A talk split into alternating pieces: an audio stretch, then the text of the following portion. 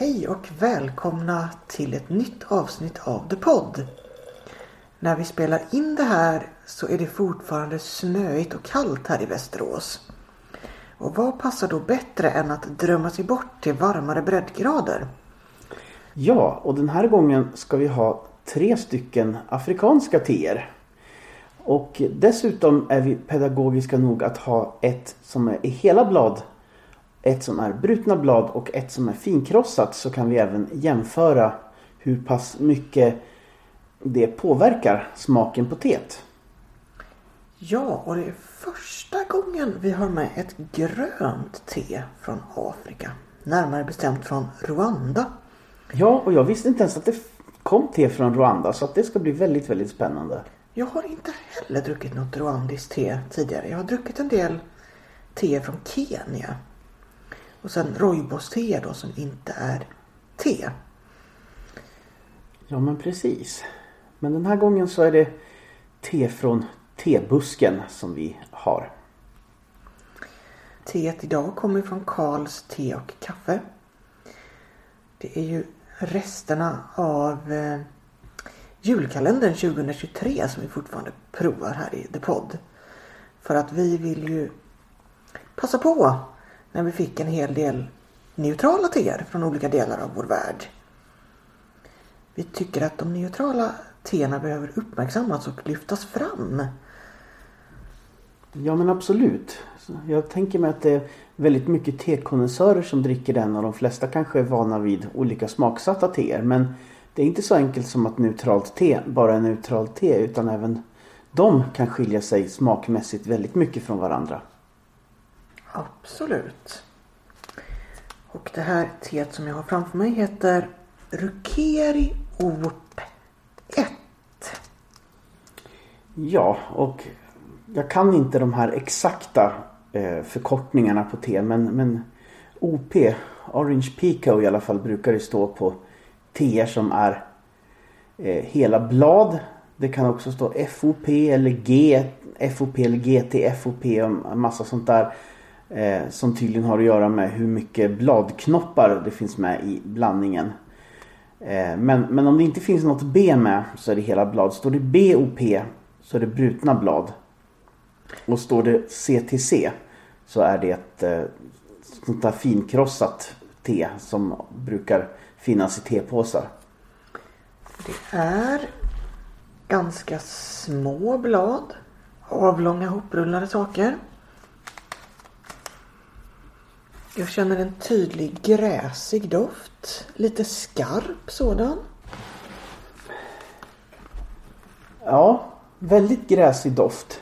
Också en viss kryddighet tycker jag. Kanske en viss parfymerad touch också som jag inte minns att jag har känt på de kinesiska gröna teer jag har luktat på. De brukar mer lukta lite fett. Och det är ju ingen marin doft heller här som på de japanska teerna. Nej, jag skulle gissa att det ligger närmare de kinesiska. Alltså att det på, på något sätt har eh, rostats. Fast jag känner ingen rostad ton egentligen heller. Men, men det, det, har i alla fall inte de här doftnyanserna hos ett japanskt te. Det har det inte. Nej, det har inte ångats torrt. Det kan jag inte tänka mig. Nej. Ska vi hälla i det här i tekannan då? Mm. Ska det bryggas här i tre minuter? Ja. Jag har numera en tekokare med ställbar temperatur. Tomten var väldigt snäll förra året.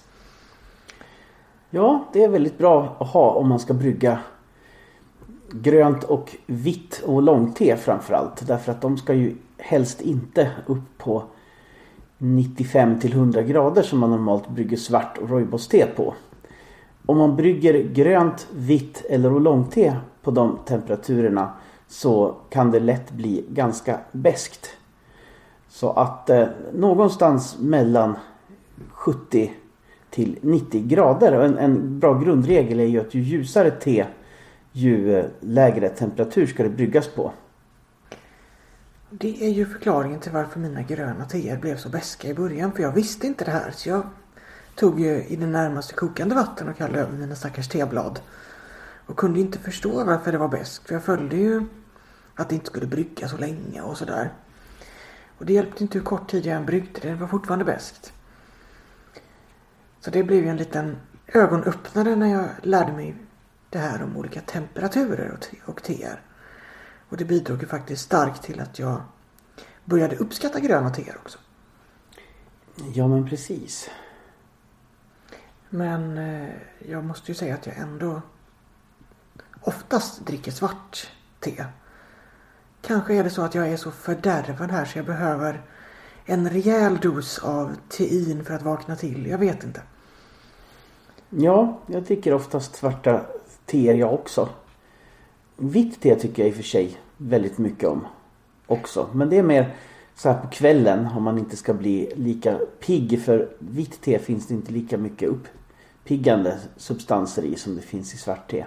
Ja, vitt te kan ju vara fantastiskt gott. Väldigt subtilt och mjukt och lent i smaken. Jag måste ändå säga att min favorit är nog ändå det gula teet. Där har vi verkligen mjukheten, subtiliteten men ändå lite kraft bakom. En väldigt komplex och rik smakvärld. Ja, jag tycker också verkligen om gult te. Och det gäller att passa på att köpa när man hittar det. För det är sånt där som inte finns alltid att få. Utan det kan dyka upp ibland på marknaden helt enkelt. Ha en tjock plånbok med dig också när du går och köper det. För det brukar vara exklusivt. Ja, men som tur är så kan man brygga flera gånger på samma blad som man egentligen kan med alla typer av te utom, utom svart. Men nu, kära vänner, har det här dragit tillräckligt. Så nu ska jag göra något underbart, nämligen hälla upp.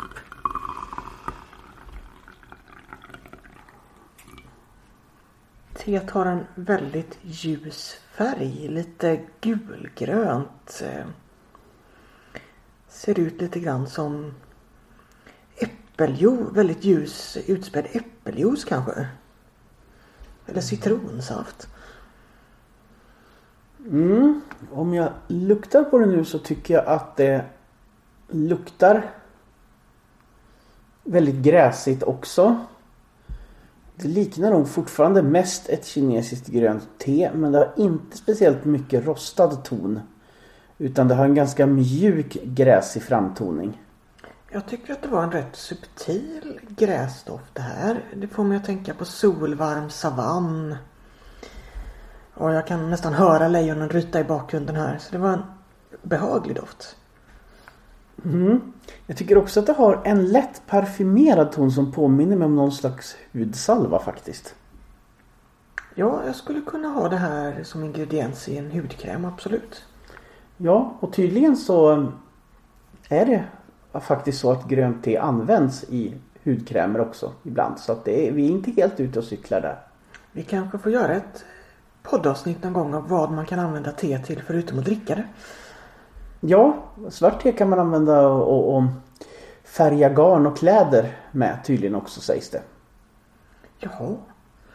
Och har du en tekanna som luktar äckligt så kan du lägga i teblad i den och låta det stå där några dagar med dem i så luktar din tekanna gott och fint igen sen. Ja. Men nu ska vi smaka på det här. Så.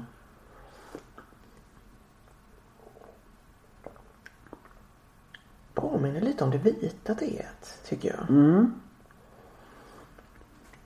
Jag hade nog velat att det skulle dra lite, lite till. Jag håller med dig. Det hade behövt lite mera styrka.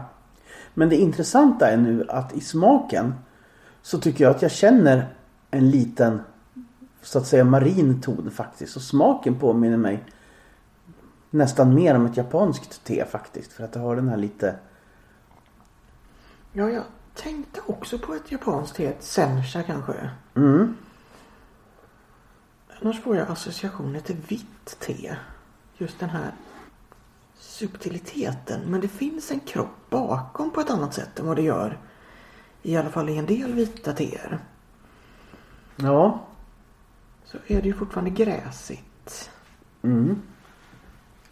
Och det är inte riktigt lika mjukt som vitt te utan det har lite strävare karaktär ändå. Ja, nej det är betydligt fylligare än vitt te brukar vara. Och sen så har det ju Ja, alltså jag skulle säga att det har toner både av kinesiskt och av japanskt grönt faktiskt här. Kan de ha rostat och ångtorkat det? Det är frågan. Alltså jag blir väldigt nyfiken på tillverkningsprocessen här för som vi faktiskt inte vet någonting om. Nej, vi måste återvända till rwandiska teer helt enkelt. Mm. Eh, nej men det här teet tror jag är ett kvällste för mig. Det är så pass subtilt så att jag vill inte ha det på morgonen. Och jag tror att jag skulle dricka det ganska neutralt utan någonting till för att om jag skulle ha någon lite kryddstarkare mat eller så så skulle teet komma bort. Det är intressant för jag tänkte själv att det här nog skulle passa just till mat faktiskt. Alltså att de här lite marina smaktonerna skulle funka till någon sorts fisk. Eh, alltså jag, jag tänkte genast på att det här skulle kanske passa till sushi faktiskt. Då får vi köpa lite tilapia eller nilaborre eller så till dig. Så får du äta det på i alla fall vad jag vet östafrikanskt vis. Att du får in hela fisken med eh, huvudet kvar och skinnet kvar. Och fenorna kvar och så får du plocka köttet från benen. De har ju plockat ur inälvorna så. Men annars sitter du och äter med händerna. Ja, det kunde ju vara lite spännande faktiskt. Så ris eller pommes frites till. Ja, nej men jag tror det här skulle funka till det egentligen alltså. Eh, även om det liksom funkar neutralt som det också. Men kväll håller jag med om. Det är absolut ingenting jag skulle vilja dricka till frukost. Det är det för mjukt för. Jag undrar om det håller för en andra bryggning. Jag tror att det blir för blaskigt då faktiskt. Mm. Annars brukar just gröna teer gå att brygga flera gånger. Och i vissa lägen så är andra bryggningen den bästa. Ja precis, framförallt på de kinesiska teerna. För då har den allra skarpaste rostade tonen sköljts bort. Eh, och de blir mjukare och subtilare andra gången. Det har vi verkligen erfarenheter av från ett annat poddavsnitt när vi dricker gröna teer. Precis, då gör vi en andra bryggning på Longjing-te som vi tyckte blev mycket godare än den första bryggningen. Ska prova hur det är med clementin till det här teet. Mm. Man vet aldrig. Det kanske lyfter Ja. med söt. Lite sötsyrligt till här. Mm. Kan ta också om du vill där. Ja, jag Ta en helt nät. tar en liten clementin här. Ja men det här funkade ju som tilltugg tycker jag. Ja, det gör det. Absolut. Clementinen tog över smaken ganska mycket men det var ändå gott. Med den Ja. lite sötsyrliga. Det skar sig absolut inte. Nej, det gjorde det inte. Och det gjorde inte så mycket att teet tonade ner heller. Nej. Så de kanske helt enkelt kombinerade varandra väldigt bra här. Mm. Ja. Jag tror att jag ger det här teet en eh, fyra får det bli. Faktiskt. En solid fyra får det bli. För det var mjukt och subtilt men det nådde inte riktigt upp till de eteriska nivåerna som vitt te eh, brukar kunna erbjuda tycker jag. Eh, de här kraftiga marina tonerna som finns i smaken känner jag fortfarande att de var okej men jag, de behöver lite tillvänjning. Så att det kanske skulle kunna stiga om jag drack det flera gånger men som det är nu så blir det en solid fyra för mig. Det var en trevlig ny bekantskap.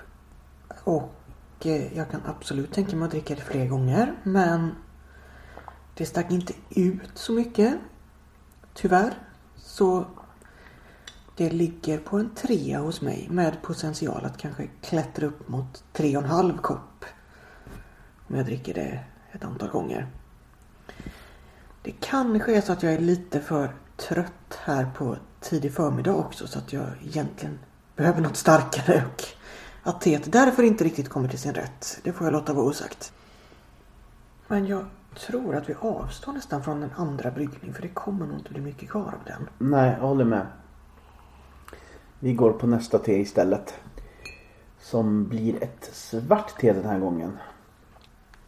Ja, då sitter jag här med det som var julaftonsteet i julkalendern. Så nu är förväntningarna skyhöga här. Det borde ju vara någonting extra gott i julaftonspåsen. Absolut, det kan jag tycka. Och det står Rukeri FBOP. Och det här är ju ett rwandiskt svart te. Ja, och B betyder ju här att det är brutna blad. Broken Orange Pico. Så att då är det ju inte finkrossat men det är eh, mindre fördelade blad i alla fall. Än, än det är i ett te som är hela blad. Vi har försökt att kolla upp det här Rokeri och det är en plantage i norra delen av Rwanda har vi fått fram. Där teet verkar växa mellan 950 och 1800 meters höjd. Ja, det är inte så väldigt högt. Och det är ju så att te som växer på lägre höjd eh, blir oftast kraftigare än te som växer på högre höjd. Och det beror ju på att te som växer på högre höjd då får teplantorna kämpa lite mer mot klimat och annat och växer långsammare. Så det här kommer gissar jag kommer att bli ganska starkt. Och också för att det är finfördelat. Eh, det är också så att ju mer finfördelat ett te är ju starkare blir det. Alltså snabbt starkare. Så brutna blad är alltså redan det ganska finfördelat? Ja. Mycket kraftig doft. Fortfarande gräsigt. Lite syrligt tycker jag. Mer syrligt än det gröna teet.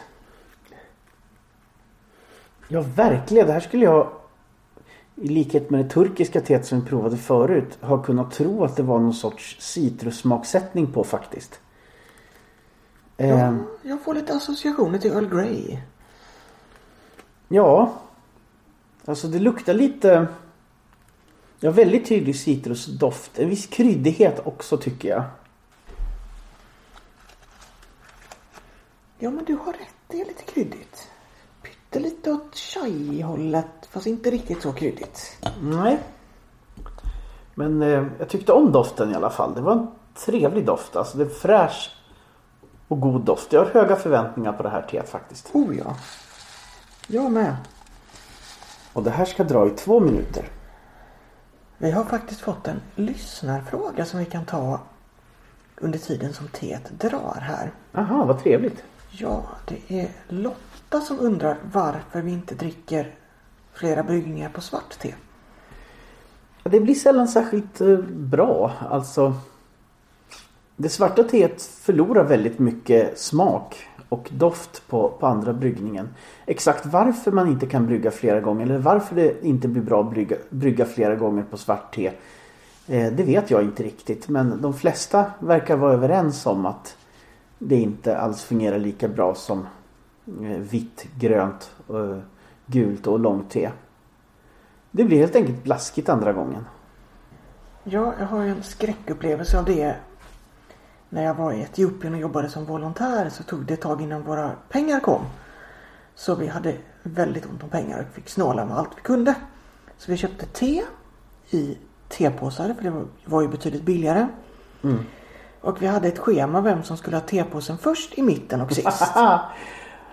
Okej, stackars den som fick den sist. Det kan inte vara mycket smak kvar då. Nej, det var ganska färgat vatten. Mm, jag förstår. Då uppskattade du verkligen den första gången du fick tepåsen i koppen så att säga. Du var först på, på den. Ja. Men nu ska det här vara färdigt så nu kan vi hälla upp. Spänningen stiger då. Absolut.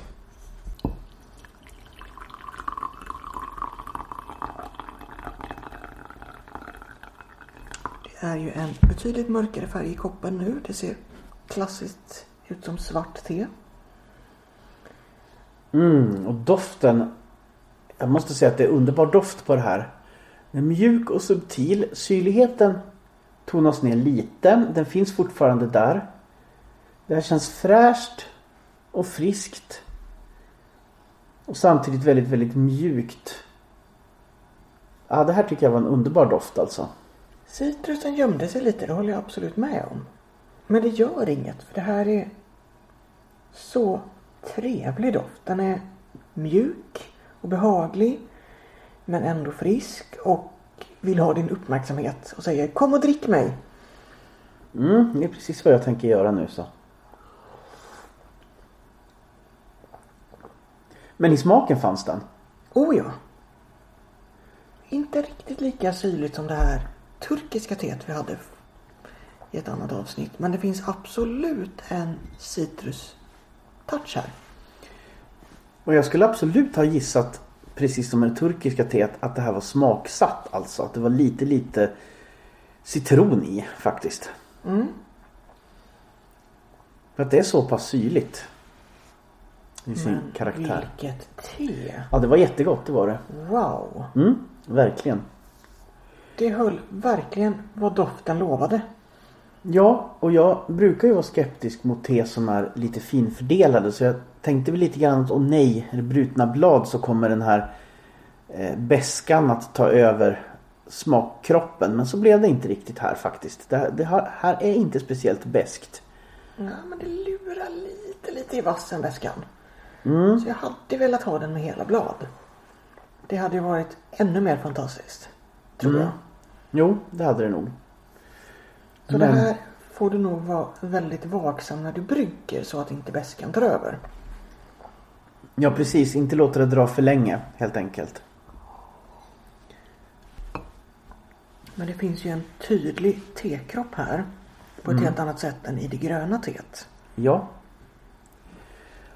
Och en viss eh, sötma också trots syrligheten faktiskt. Alltså, Ja, det finns en balans här. ja, vi läste ju någonstans att teerna ofta har en viss honungsarom och det kan jag faktiskt hålla med om här också. Även om Även om syrligheten kanske är tydligare så finns honungsaromen lite grann också. Oh ja. Eller kanske snarare arom av råsocker faktiskt. Det som oftast kallas rörsocker idag, alltså brunt socker. Vilket passar perfekt eftersom väldigt många personer från afrikanska länder sötar sitt te. Mm. Men det skulle jag tycka var ett helgerån mot den här koppen alltså. Alltså det behövs verkligen inte tycker jag. Det här var så pass gott som det är och så pass eh, fylligt och fantastiskt. Så jag vill nog inte ha något socker i det här. Nej, oh nej. Varken socker eller mjölk. Ska ta mig en clementin till däremot. Och se om den passar med att förstärka citrussmaken lite grann här. Skulle jag kunna tänka mig att det kan göra. Jag föredrog ju det här teet definitivt framför det gröna. För här Ja. fick jag en helt annan smakkropp. Och kände att nu piggar min hjärna på sig rejält här. Mm. Efter bara någon klunk. Så det var ju bra. Precis, det här kan jag absolut tänka mig att dricka till frukost. För det Oh, är tillräckligt, tillräckligt uppiggande för det. Det här är nog eh, morgon, förmiddag, möjligtvis eftermiddag men inte kväll. Nej, ingen kväll. Det är för kraftigt för det. Ett perfekt morgonte. Ja, Jag kan även tänka mig att dricka det efter lunchen för att förhindra paltkoma. absolut. Och till eftermiddagsfikat för att förhindra de där sista sega timmarna innan du går hem från jobbet och är så trött så att du ögonen klipper ihop där. Mm. Jag kan också tänka mig att det passar både till fika eller till eh, frukostsmörgåsarna helt enkelt. Skulle även kunna funka till äggröra och bacon och korv och sånt där tror jag. Om man vill ha lite som kallas English breakfast. Ja men precis. Och det funkade bra till mandariner också. Den här gången var det teet som vann smakduellen så att säga. Inte mandarinen som det blev med det gröna teet. Men de kompletterar varandra. Absolut. Och förstärker den lite citrusaktiga touchen i teet. Ja, det var en väldigt god kombo tycker jag. Det är så fascinerande att neutrala teer kan smaka så olika. Jag gissar att det beror lite på samma saker som när du odlar vin, vilken jordmån det är, hur klimatet är, vilken höjd över havet det odlas på, hur det skördas, när på året det skördas, sådana saker. Absolut, alla sådana saker spelar ju roll för te lika väl som för vin. Visst är det så. Jag är genast beredd att ge det här. Jag tror inte att det kommer upp i fem koppar nu för mig. Kanske om jag dricker flera gånger men fyra och en halv får det i alla fall direkt av mig. Jag var inne på samma linje. Det är sällan jag höjer upp teer som jag dricker första gången till ett skyhögt betyg för att jag brukar vilja dricka in mig på dem. Men det här swishar direkt upp till 4,5 kopp.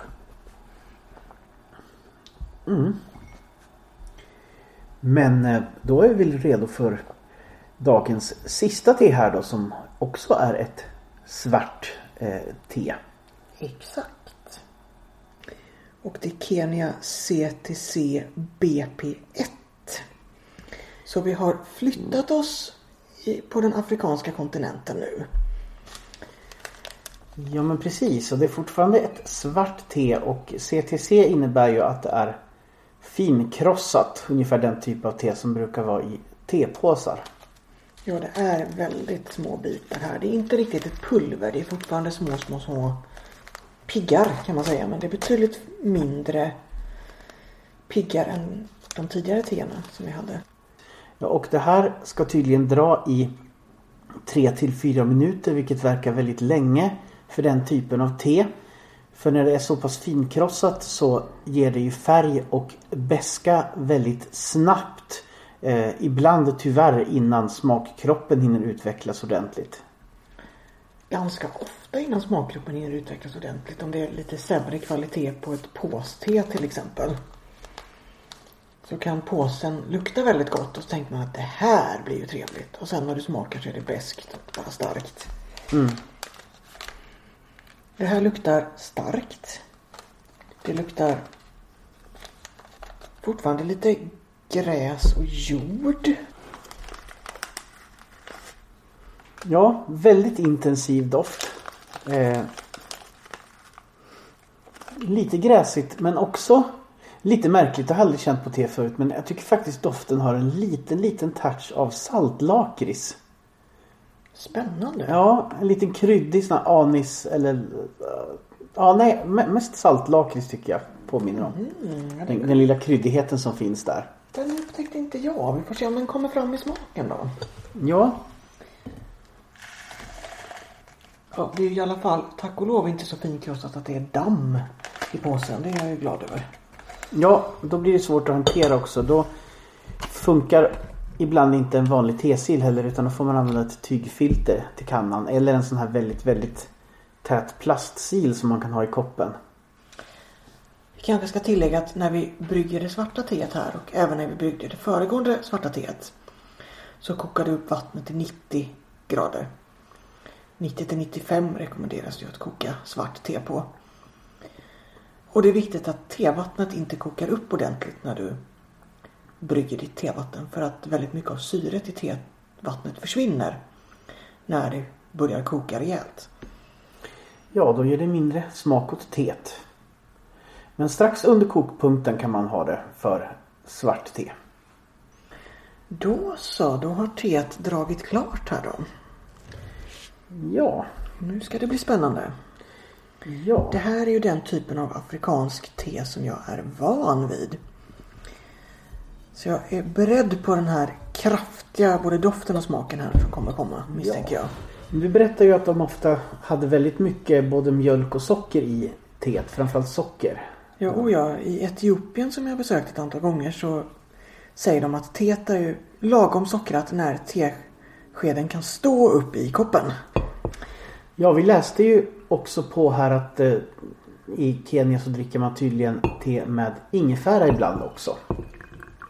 Det är ingenting vi har stött på tidigare. Nej, Men det är intressant.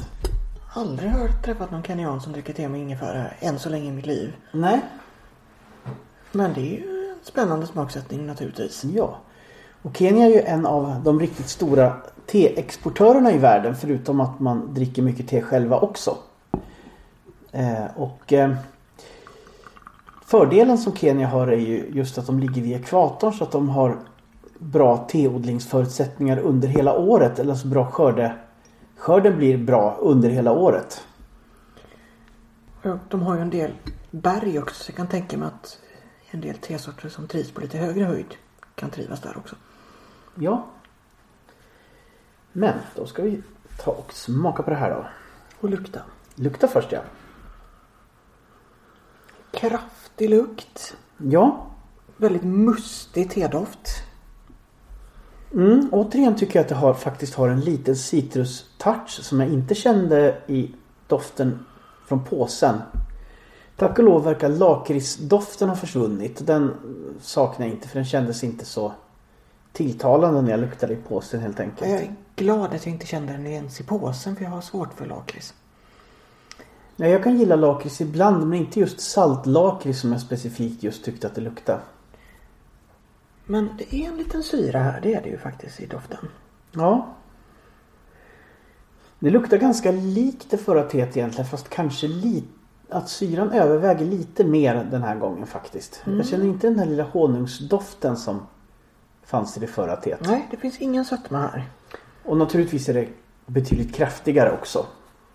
Oh ja. Det, det känner man direkt även på doft, redan på doften. Det är fascinerande nog lite, lite ljusare i färgen än det förra teet. Även om det är den här bruna tefärgen så är det Mm. lite ljus. Här är det brunt för att vara svart te. Ja, det är intressant faktiskt. Det borde det inte vara med tanke på mustigheten. Nej. Men. Smaken var det ja. Men det var en positiv överraskning. Det var inte riktigt den här jättekäftsmällen som jag hade väntat mig. Nej, det här var faktiskt förvånansvärt mjukt. Ändå, det var det. Jag saknar lite grann smakkropp. Tycker att det var lite tunt. Men fortfarande väldigt, väldigt gott och väldigt mjukt. Det hade jag inte väntat mig. Jag hade väntat mig en ganska besk brygd. Ja, jag väntade mig en riktigt besk och stark käftsmäll här och den uteblev tack och lov.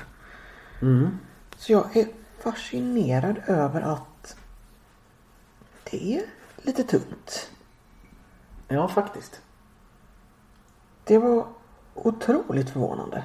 Liknar inte något av de här finkrossade afrikanska teerna som jag druckit tidigare. Nej, jag har ju haft eh, kenyanska finkrossade teer förut och de har varit eh, väldigt eh, bittra oftast. Alltså att beskan har kommit före själva smaken. Och att smaken kanske nästan inte känns på grund av att det blir så pass starkt. Ja, och de teerna har verkligen krävt mjölk och socker. Mm. Men det här går ju att dricka neutralt. Ja, det tycker jag. Jag känner inget behov att, att ha mjölk och socker i det här. Framförallt inte mjölk för det, det skulle ju döda de sista, de, de smakerna som ändå finns. Och socker behöver jag inte för att det är inte så beskt och bittert att jag känner något behov av att söta det. Nej. Däremot ska det bli väldigt intressant att se hur det går ihop med semlorna som vi har framför oss här. Ja, jag tror det kommer att gå alldeles utmärkt. Jag tror också det för det känns som att det är ett robust te som klarar en semla. Mm, det passar alldeles utmärkt tyckte jag. Ja, här fick jag lite mjölktoner med- i med grädden då. Och lite sötma som balanserar upp syrligheten på ett väldigt trevligt sätt. Ja. Och även det här är ett sånt te som jag känner skulle fungera både till frukost och som fika-te. Mm. Återigen den tidiga delen av dagen. Alltså mm, möjligtvis senast kanske till eftermiddagsfikat vid tretiden sådär. Men inte, inte som kvällste. Nej, fram till lunch skulle jag dricka det. Mm. Men absolut både till eh, söta saker och till en stadig frukost. Mm, absolut, absolut. Det är ju så trevligt. Det finns ju semmelte numera. Det har vi provat i ett poddavsnitt också för länge sedan. Så gå gärna in på Acast eller Podbean. Där finns våra avsnitt. Ja, Det eh, kan också vara intressant att nämna att tebusken har ju importerats till Afrika av britterna. Under tiden när de hade kolonier. Så från 1800-talet och framåt så har det odlats te i Afrika. Och då främst i Kenya. Ja, men ju mer jag dricker det här teet desto mer positivt överraskad faktiskt. Ja, jag blev faktiskt också överraskad av det här.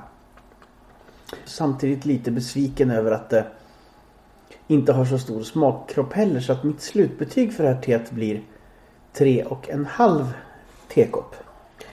Jag sätter en trea för det här var ett godare te än vad jag förväntat mig men lite tråkigt. Så medelte helt enkelt. Men om jag låter det brygga lite längre nästa gång så kanske det kan höja sig. Man vet aldrig. Och om ni som lyssnar eh, har något te som ni tycker att vi absolut måste prova. Eller om du vill medverka i något sammanhang. Vi söker gärna dig från någon kultur som har något spännande te. Eller tillreder eller serverar teet på något spännande sätt. Då får du gärna vara med och låta oss prova. Eh, vart ska man mejla någonstans Eva? Man ska mejla till thepod T-H-E-P-O-D-D at O-U-T-L-O-O-K.com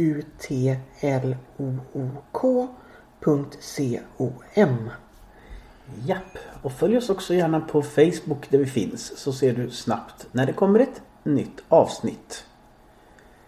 Exakt. Gå även gärna in på Acast eller Podbean för att hitta alla våra avsnitt. Ja, men tills vi hörs nästa gång så får ni ha många trevliga testunder och så säger vi teskål! Teskål!